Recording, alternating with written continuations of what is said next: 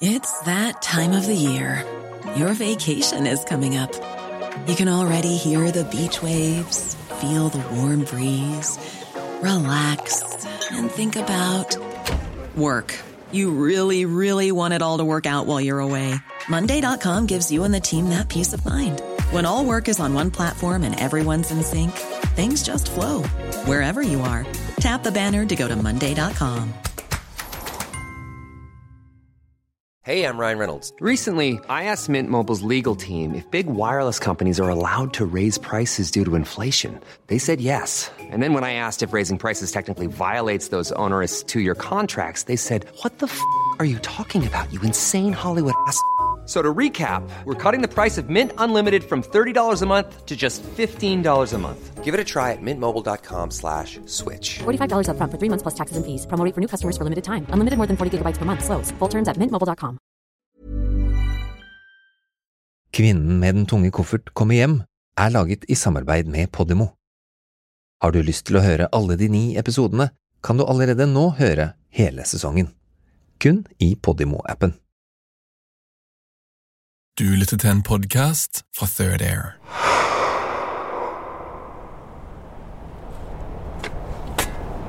Er i Danmark i 2006. En mann graver et hull i bakken. Han skal grave et ganske stort hull, for det her er på kirkegården på Hirtshals. Det er lett å grave her. Jorda er mest sand, sånn som den alltid er nær havet i Danmark. Og så er det forblåst. Det er kvinner med den tunge koffert som har bestilt grava. Eller Maria Kristoffersen, som hun kaller seg for i øyeblikket. Den er til hennes sønn. En dag tidligere gikk hun over kirkegården sammen med graveren. Han hadde begge hendene sine godt stukket ned i lommene, beskytta for vinden. Maria Kristoffersen gikk ved sida av han. Hun huka seg fast i armkroken hans, så hun hadde noen å støtte seg til. De to gikk sånn og lette etter en passende gravplass for sønnen hennes. Og så stoppa de opp. Her, tett opp til kirka, skal grava ligge, sier hun til graveren. Og trekker den tynne jakka enda tettere rundt seg.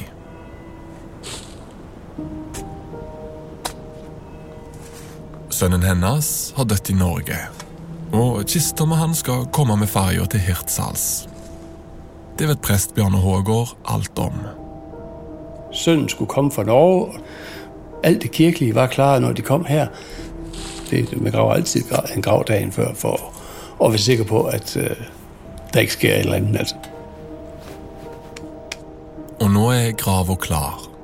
Med heisesystem, rette gule sandkanter og seks fot djup. Så kisten skulle komme og bli satt ned i jorden og dekkes til.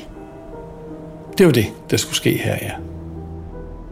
Men selv om alt er klart, så kommer det aldri noe kiste med ferja til Hirtshals. Der kommer ikke noen kiste. Det er i hvert fall ikke noen søn, som skal begraves i Hirtshals. Og så er det én ting til. Det er ikke første gang hun gjør det her.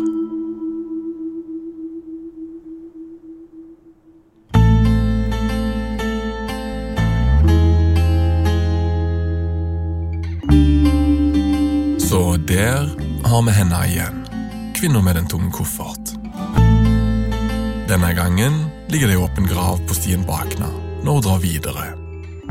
Ei åpen grav til hennes sønn. Før vi går videre med denne fortellingen, så vil jeg gjerne be deg om en tjeneste hvis du følger for det. For om du vil dele denne episoden med noen du tror vil like det her, så hjelper det oss å spre fortellingen om hun vi kaller kvinnen med den tunge koffert. Bare hvis du vil. Og følg oss gjerne i appen hvor du lytter.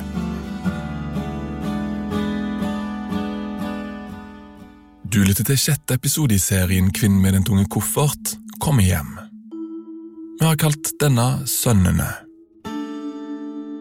Så Kims begravelse er du iscenesetter i Hirtshals? Eller som min kollega Christer Molsen sier det. Of course, the question is Is there a dead son? Du husker kanskje at hun dukka opp hos fotografen på Raufoss i begynnelsen av 20-åra. Hvor hun tok et bilde av seg sjøl med et barn. Det var et barn hun hadde lånt, og ikke hennes. Men på kaien i Sandefjord blant hjelpeapparatet til Scandinavian Star, der er hun gravid. I åttende måned. I boksene med arkivmateriale jeg har fått fra Christer, finner jeg gamle avisartikler som når jeg setter de sammen, begynner å male et nytt bilde av kvinnen med den tunge koffert. What do we know, Krista? And I, I want to compare notes with you here because yeah. I have. Um, well, there's a lot of articles about this. Det er på denne tida hun søker seg til rampelyset. Både til katastrofene fra forrige episode og til småsaker i lokalavisene. In the in the in the 90s, all through the 90s, there's a lot of her in the newspaper, but almost everything she says is a lie, which of course is complicating things. Det er falske karakterer hun spiller ut foran uvitende journalister, som går på limpinnen. Men de her øyeblikksbildene forteller bakenforliggende historier. For kvinnen med den tunge koffert er som en god forfatter, som skriver best når hun bruker fra sitt eget liv. Og det er særlig tre av artiklene som forteller mye, om du setter de inn på ei tidslinje. Um, I got one newspaper article from Dagblad, uh, 1989. Yeah. The headline is 'Gutten min er ingen pakke'. Yeah. And here, there is an image of her with her son. Yeah. Avisartikkelen handler egentlig om at hun ikke vil at faren skal ha samværsrett til gutten. Men poenget er at på bildet sitter hun ved sida av en fire år gammel gutt på en parkbenk. På hodet har han en togkonduktørhatt. Det morsomste gutten vet, er å leke konduktør. Og mor Inger Nerby må fint finne seg i å være med på moroa, står det. And of course, the first question in, that pops into your mind, knowing her, is is that her son? Yeah. Bildet av gutten på parkbenken med konduktørhatt er fra 1989. Både alderen og navnet på gutten stemmer, men det finnes òg andre kilder. I've talked to people who have met these sons. You know, even one who met both sons at the hospital right after she gives birth to the second son. The first son is from 85, I think. That's what I got too. Yeah, the second one is the one she's pregnant with on at the harbor in 1990 in Sandefjord, right? Exactly. Det er til og med fødselsannonser med rett navn og dato som nevner at gutten med konduktørhatt er blitt storebror. Etter en fødsel på Ullevål sykehus i 1990. And at that point, uh, she is living with both sons. I mean, after he's born. Yeah. So the next question is what happened to them, of course, right? Det er vanskelig å finne folk igjen. En del har gått bort, andre husker ikke. Men det finnes én kirketjener som sitter med en liten bit av puslespillet. Det er noe av det jeg husker aller klarest fra min. Jeg jobbet der i 20 år, så Jeg kan ennå kjenne det når jeg, når jeg snakker om det. For Mona Uttaker er det ett bilde som har brent seg fast. Nei, jeg merker det i magen, og jeg, jeg, at jeg, jeg blir urolig. Ja. Mona er 80 år, men våren 1991 hadde hun sin første uke i sin nye jobb. Nei, jeg var, jeg, jeg var nettopp blitt kirketjener i Sofienberg. Akkurat denne formiddagen var hun alene på menighetskontoret. Og da, da den bilen stanset utenfor, og det kom inn en dame med, med et barn ved hånden Hun hadde med, så hadde hun inn i bilen. Hvor, hvor gamle var disse barna? Jeg tror han som kom med inn, han var fem, og så tror jeg den minste der ute, han var ett eller noe sånt. Stemmer. Så var hun altså så feiende flott. Altså, sett med mine øyne. Jeg husker hun hadde sånn kamelhårsfrakk som jeg bare drømte om. Utrolig velstelt og velkledd. Og, og barnet så nesten litt sånn Hva skal jeg si, som om det hadde vært i barnehagen hele dagen. Men uh, det hadde det ikke, for det var om formiddagen ved ellevetiden. Kvinner med kamelhårsfrakk har banka på døra fordi hun kjenner kapellanen i menigheten. Og så sa hun at um, at hun stod i en forferdelig knipe fordi hun skulle på Aker sykehus med den minste ungen som satt ute i bilen og hadde astma. Og da begynte den store gutten å dra i henne og sa mamma, nå må vi gå. Den eldste gutten drar i mora si og sier at de må gå. Det kan virke som han vil bort. Kanskje fordi han har vært her før. Og da, da, da var hun litt sånn brå med ham. Og så tenkte jeg nå, nå. På hvilken måte brå? Nei, sånn at hun, hun liksom så strengt på ham og rusket ham i armen og sånn, stå stille nå. Og så begynte hun å fortelle igjen at hun, hun hadde tenkt å spørre kapellanen om å låne en 500-lapp fordi hun, hun hadde glemt pengeboken sin hjemme på Ski. Og så tenkte jeg, hva gjør jeg? Men jeg, jeg var veldig i tvil. Altså sånn, det føltes helt feil, men, men samtidig så, så, så Noe med min kristen plikt. Å hjelpe et medmenneske i nød. Hun visste godt hva hun gjorde. Hun spilte akkurat på de riktige strengene.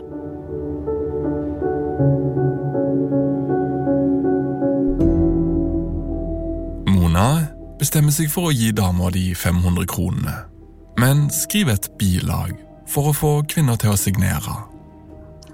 Um, da skrev hun Inger Nerby Hansen. Ja. Hun var jo så søt. Sånn den, er du dansk, sa hun. og sånt. ja, men hun var jo knallintelligent. Hun var lynskarp. Og det kjente man når man sto der. Men, men så du henne seinere? Ja, ja, jeg så henne senere. Jeg så henne på Kalbakken. Og der bodde diakonen i Sofienberg også. Så hun så henne noen ganger med disse barna, men så, så plutselig hadde hun ingen barn lenger.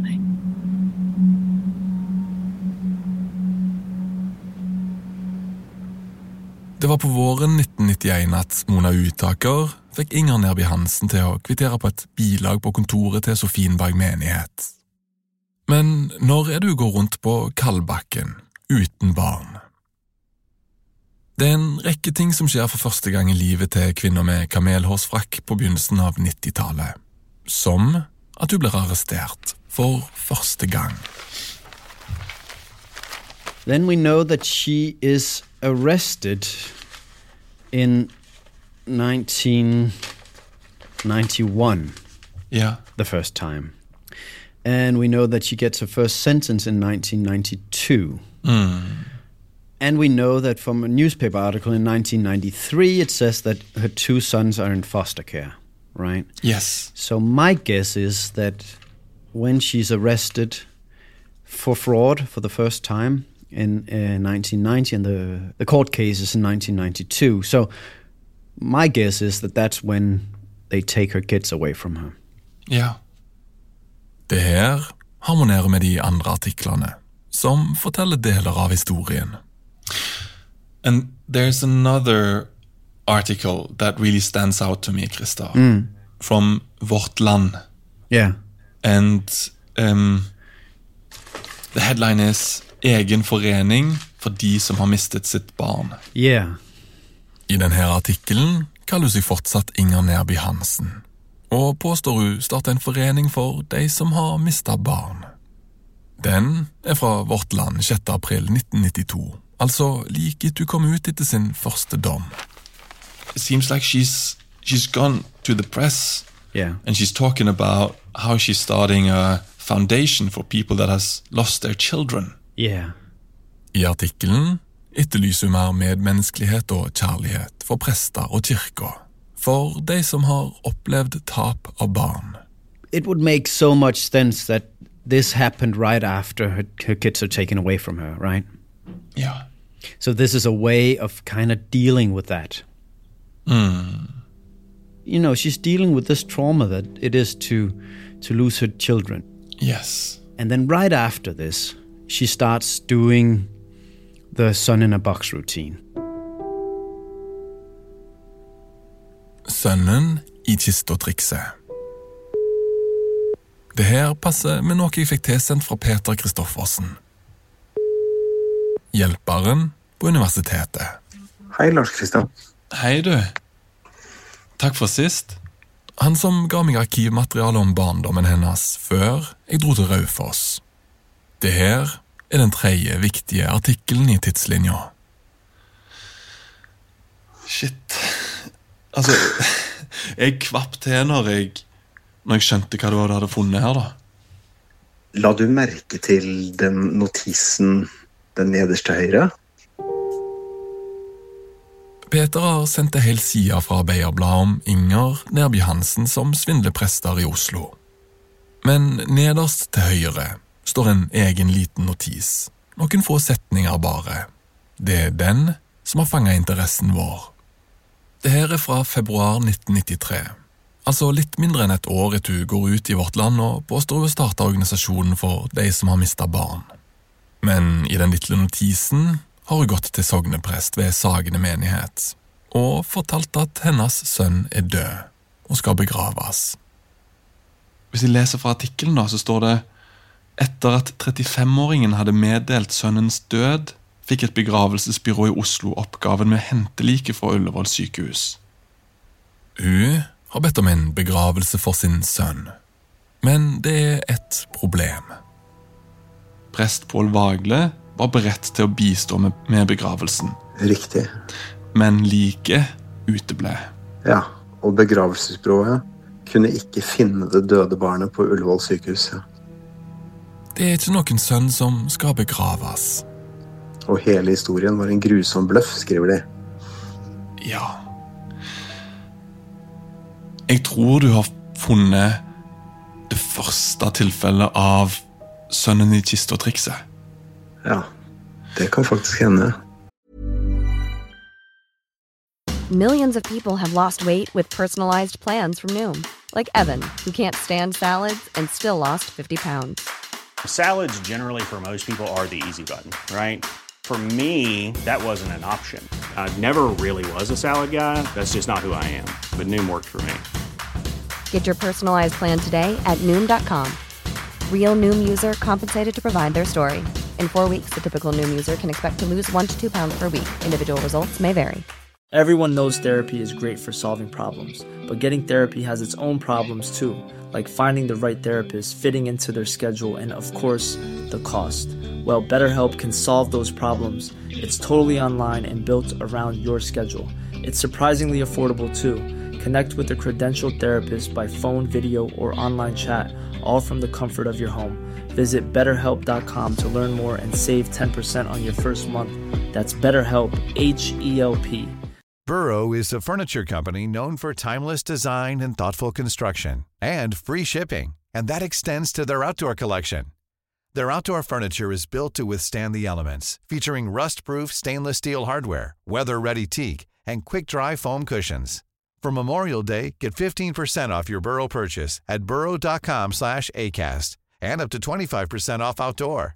That's up to 25% off outdoor furniture at burrow.com slash ACAST.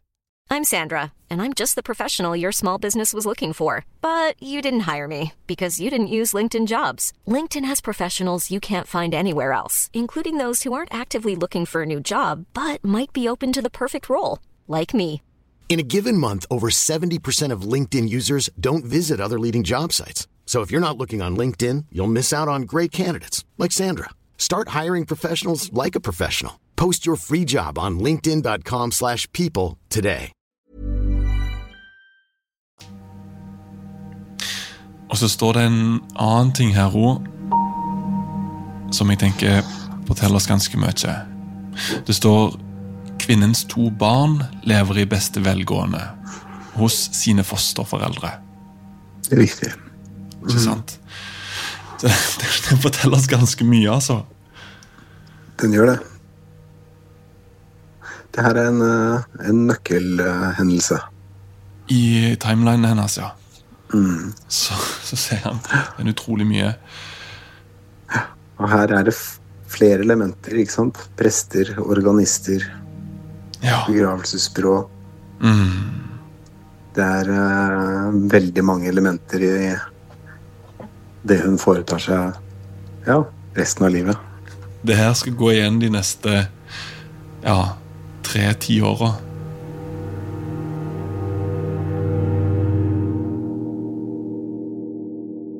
Jeg ringer journalisten som skrev saken. Han kan ikke huske kilden til at sønnen var i fosterfamilie, men forteller at han skrev en rekke saker om henne på 90-tallet, og hadde tett kontakt med etterforskeren med ansvar for svindelsakene hennes. Jeg prater også med en annen politimann, som satt på sakene hennes i et annet distrikt senere. Han kjenner også til at sønnene var i fosterhjem. Men denne saken fra 1993 er ikke en klassisk svindelsak. She never actually gets money out of it. It's it's I think it's a way to to deal with this trauma that it is to lose her kids. You know, they're not dead, but she's not. They're not with her anymore. Yeah. So she wants to bury him, right? Yeah, I know.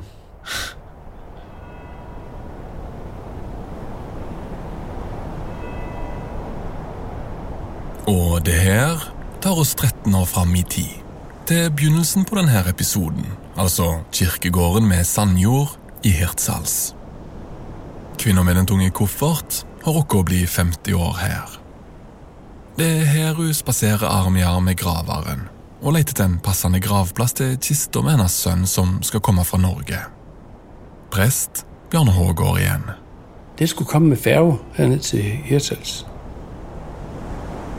Vinden blåser kaldt opp fra havet. Maria Kristoffersen, som hun kaller seg, har bretta opp kragen på jakka. Men den er for tynn i den kalde pålandsvinden.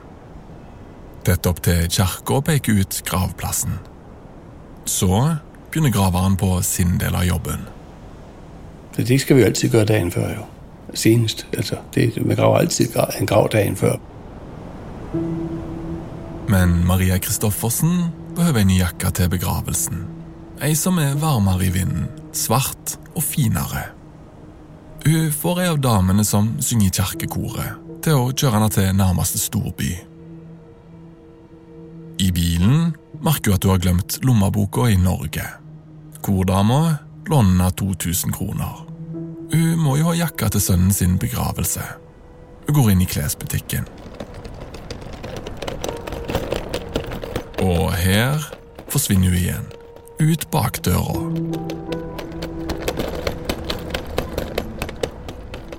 På kirkegården er det nå ei åpen grav.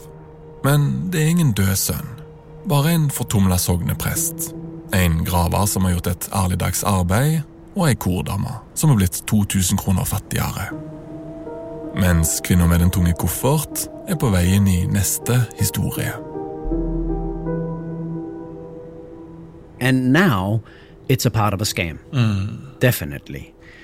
She goes there to use the sun in a box routine as a scam, as a way to get money out of people. She she develops. Yeah, and it yeah. This is the woman with a heavy suitcase. She doesn't care. No, I don't think so. Hun er ikke bare et offer for sin egen historie lenger. Hun har tatt kontroll over han, eier han, bruker han, sånn som det passer henne.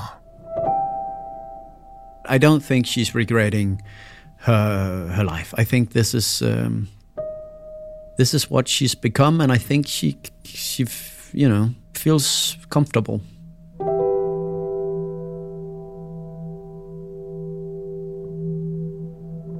Men hva med sønnen, som hun drar inn i løgnen? You you found him. Yeah. I, I don't have any traces of the youngest son. The oldest son I have managed to find online. Really? On Facebook or something? yes. On Facebook, um, I found uh, online pages from his work and his career. Uh, I found his master thesis. Right. Det er gutten med togkonduktørhatt fra den første artikkelen jeg har funnet. Han har partner og barn, en ganske god jobb, i et vanlig hus i en helt normal by i Norge. På bildene smiler han.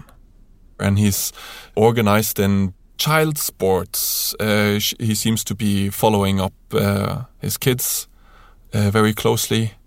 Right. Uh, seems like a good father, yeah. Right. A normal life. Exactly, which is a tip of the hat to him, you know? Yeah, it's kind of impressive.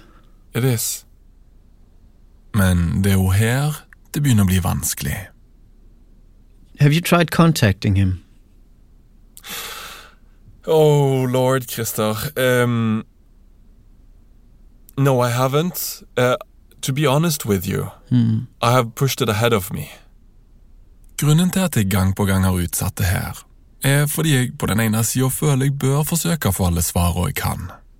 Men å gjøre det føles hun på den andre sida som å trå over ei grense. Det er det som har gitt meg en knut i magen. What do you think? He didn't show up at her funeral.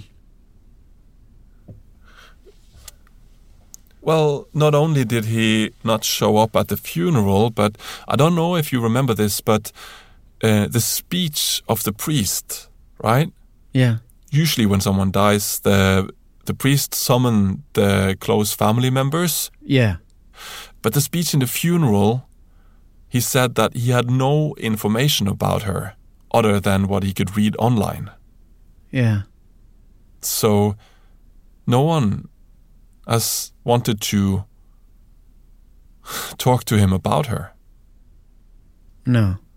Any of the sons, they, they didn't want to talk to the priest about her. No, not the sons, not the rest of the family, no. Mm.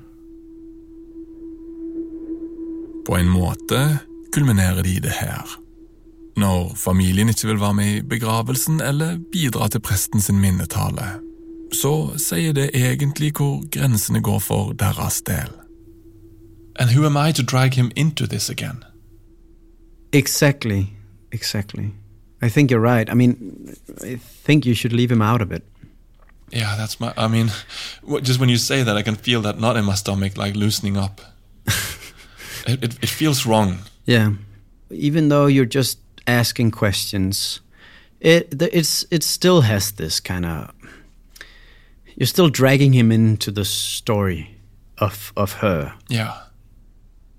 And it, it doesn't seem fair Yeah.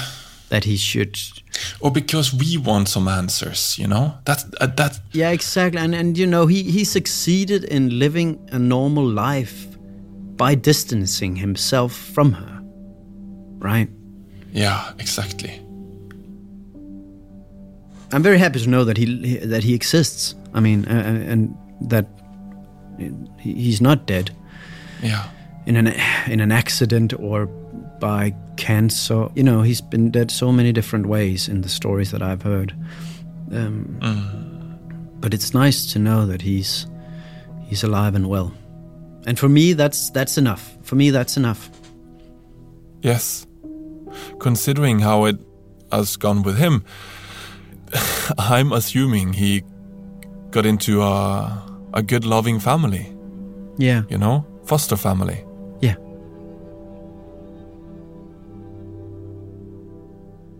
Men selv om det her løser opp knuten i magen min, forløser det ikke sønnen i kista-trikset. Den høyeste bygningen i Danmark er sykehuset i Harlev.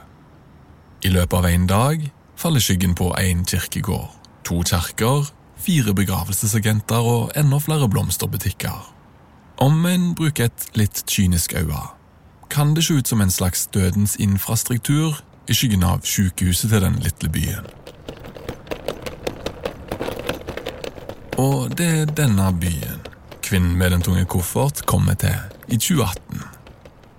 It's the second biggest hospital in Denmark, Herlev Hospital. So, of course, there's an infrastructure there. if you want to take the sun in a box routine to an industrial scale, then that's the place for it, right? Jeg vet ikke hvor skyggen falt akkurat da hun gikk inn døra. Men jeg vet at hun gikk gjennom den hvite tredøra. Til NP Rostrup og Strandveiens begravelsesbyrå. I skapet på innsida står en utstilling av urner til kremeringsaska. Og på kaffebordet ligger magasiner med bilder av forskjellige kister. Det er begravelsesagent Mikael Holgersen som tar imot Mia Maria Steen, som kvinna presenterer seg som. En ganske pen, nydelig dame.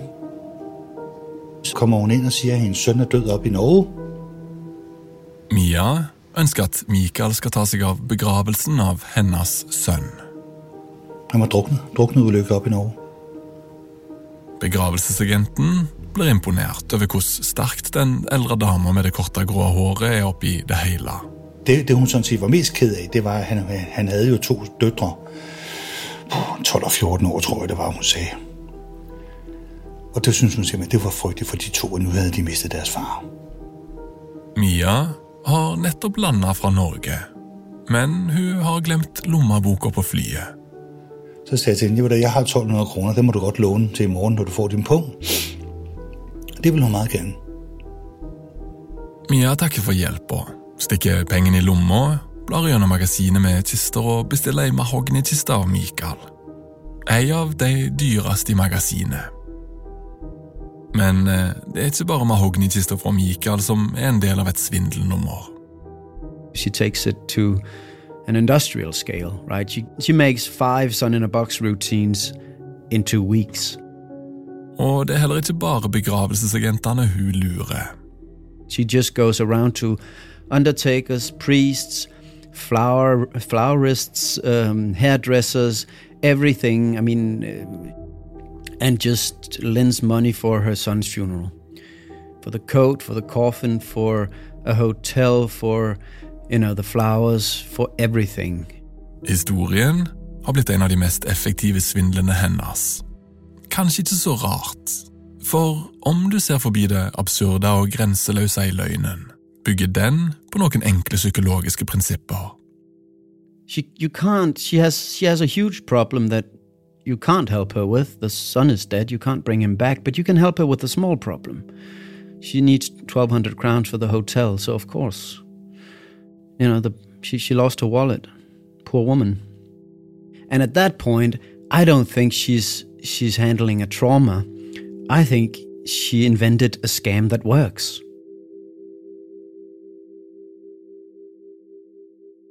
I begynnelsen av denne episoden stilte jeg spørsmålet hvorfor iscenesetter du begravelsen til sin egen sønn? Nå tror jeg jeg vet hvorfor. Det begynte kanskje som et ubehandla traume, men i Danmark i 2018 tror jeg ikke det er det lenger. Det er et svindelnummer, som hun er god på, som fungerer. Så god at hun løfter det opp på et nesten industrielt nivå. Og her er hun ikke et offer lenger. Hun eier historien, hennes historie. Den er en levevei. Og det vet begravelsesagenten Mikael fra Herlev godt. Hun var simpelthen så god. Den, den bedste skuespiller jeg noensinne har opplevd. I 2018 har hun vært kvinne med den tunge koffert siden slutten av 90-tallet. Så lenge at hun har slitt ut sin egen koffert, og det ene hjulet har falt av. Og så sier hun også, Michael, du blir nødt til å bære kofferten, for det ene hjul har det ikke så godt. ja, og det gør jeg da selvfølgelig, og den, er, den var tung. Men trillekofferten med det ødelagte hjulet skal bli enda tyngre. For jeg har funnet en annen svindel, som er et hakk mørkere. Et nivå til ned i avgrunnen, om du vil. Før sola kikker fram fra skyen igjen. Det er den vi skal til i neste episode.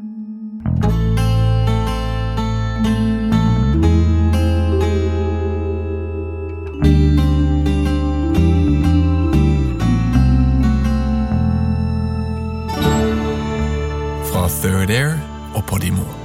Du har lytta til Kvinnen med den tunge koffert kommer hjem. Hvis du vil binge alle episodene med en gang, kan du gjøre det i Podimo nå. Artiklene som forteller deler av hennes historie i episoden, er henta fra Dagsavisen, Vårt Land og Dagbladet. Historien er tatt opp, skrevet og fortalt av Lars Kristian Øverland. Den er gjort etter en idé av Christer Molsen, som òg er produsent, og har gjort opptaker i Danmark av Mikael Holgersen og Bjarne Hågård. Det fantastiske lyddesignet du har lytta til, er gjort av Anne Obel, som òg har skrevet originalmusikk og miksa episoden. En ekstra takk til Tim Hinman, som både har laga musikk og hjulpet til med dramaturgien. Og ikke minst takk til Rasmus Spitz, Fredrik Nielbo og Nora Brønseth for veldig god hjelp i redaksjonen. Eksekutiv produsent er Joel Silberstein Hont, og Martin Jonsson er ansvarlig utgiver på Third Air.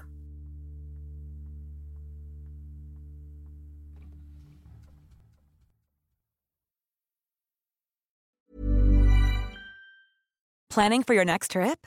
Elevate your travel style with Quince. Quince has all the jet setting essentials you'll want for your next getaway, like European linen, premium luggage options, buttery soft Italian leather bags, and so much more. And is all priced at 50 to 80% less than similar brands. Plus, Quince only works with factories that use safe and ethical manufacturing practices. Pack your bags with high-quality essentials you'll be wearing for vacations to come with Quince. Go to quince.com slash pack for free shipping and 365-day returns.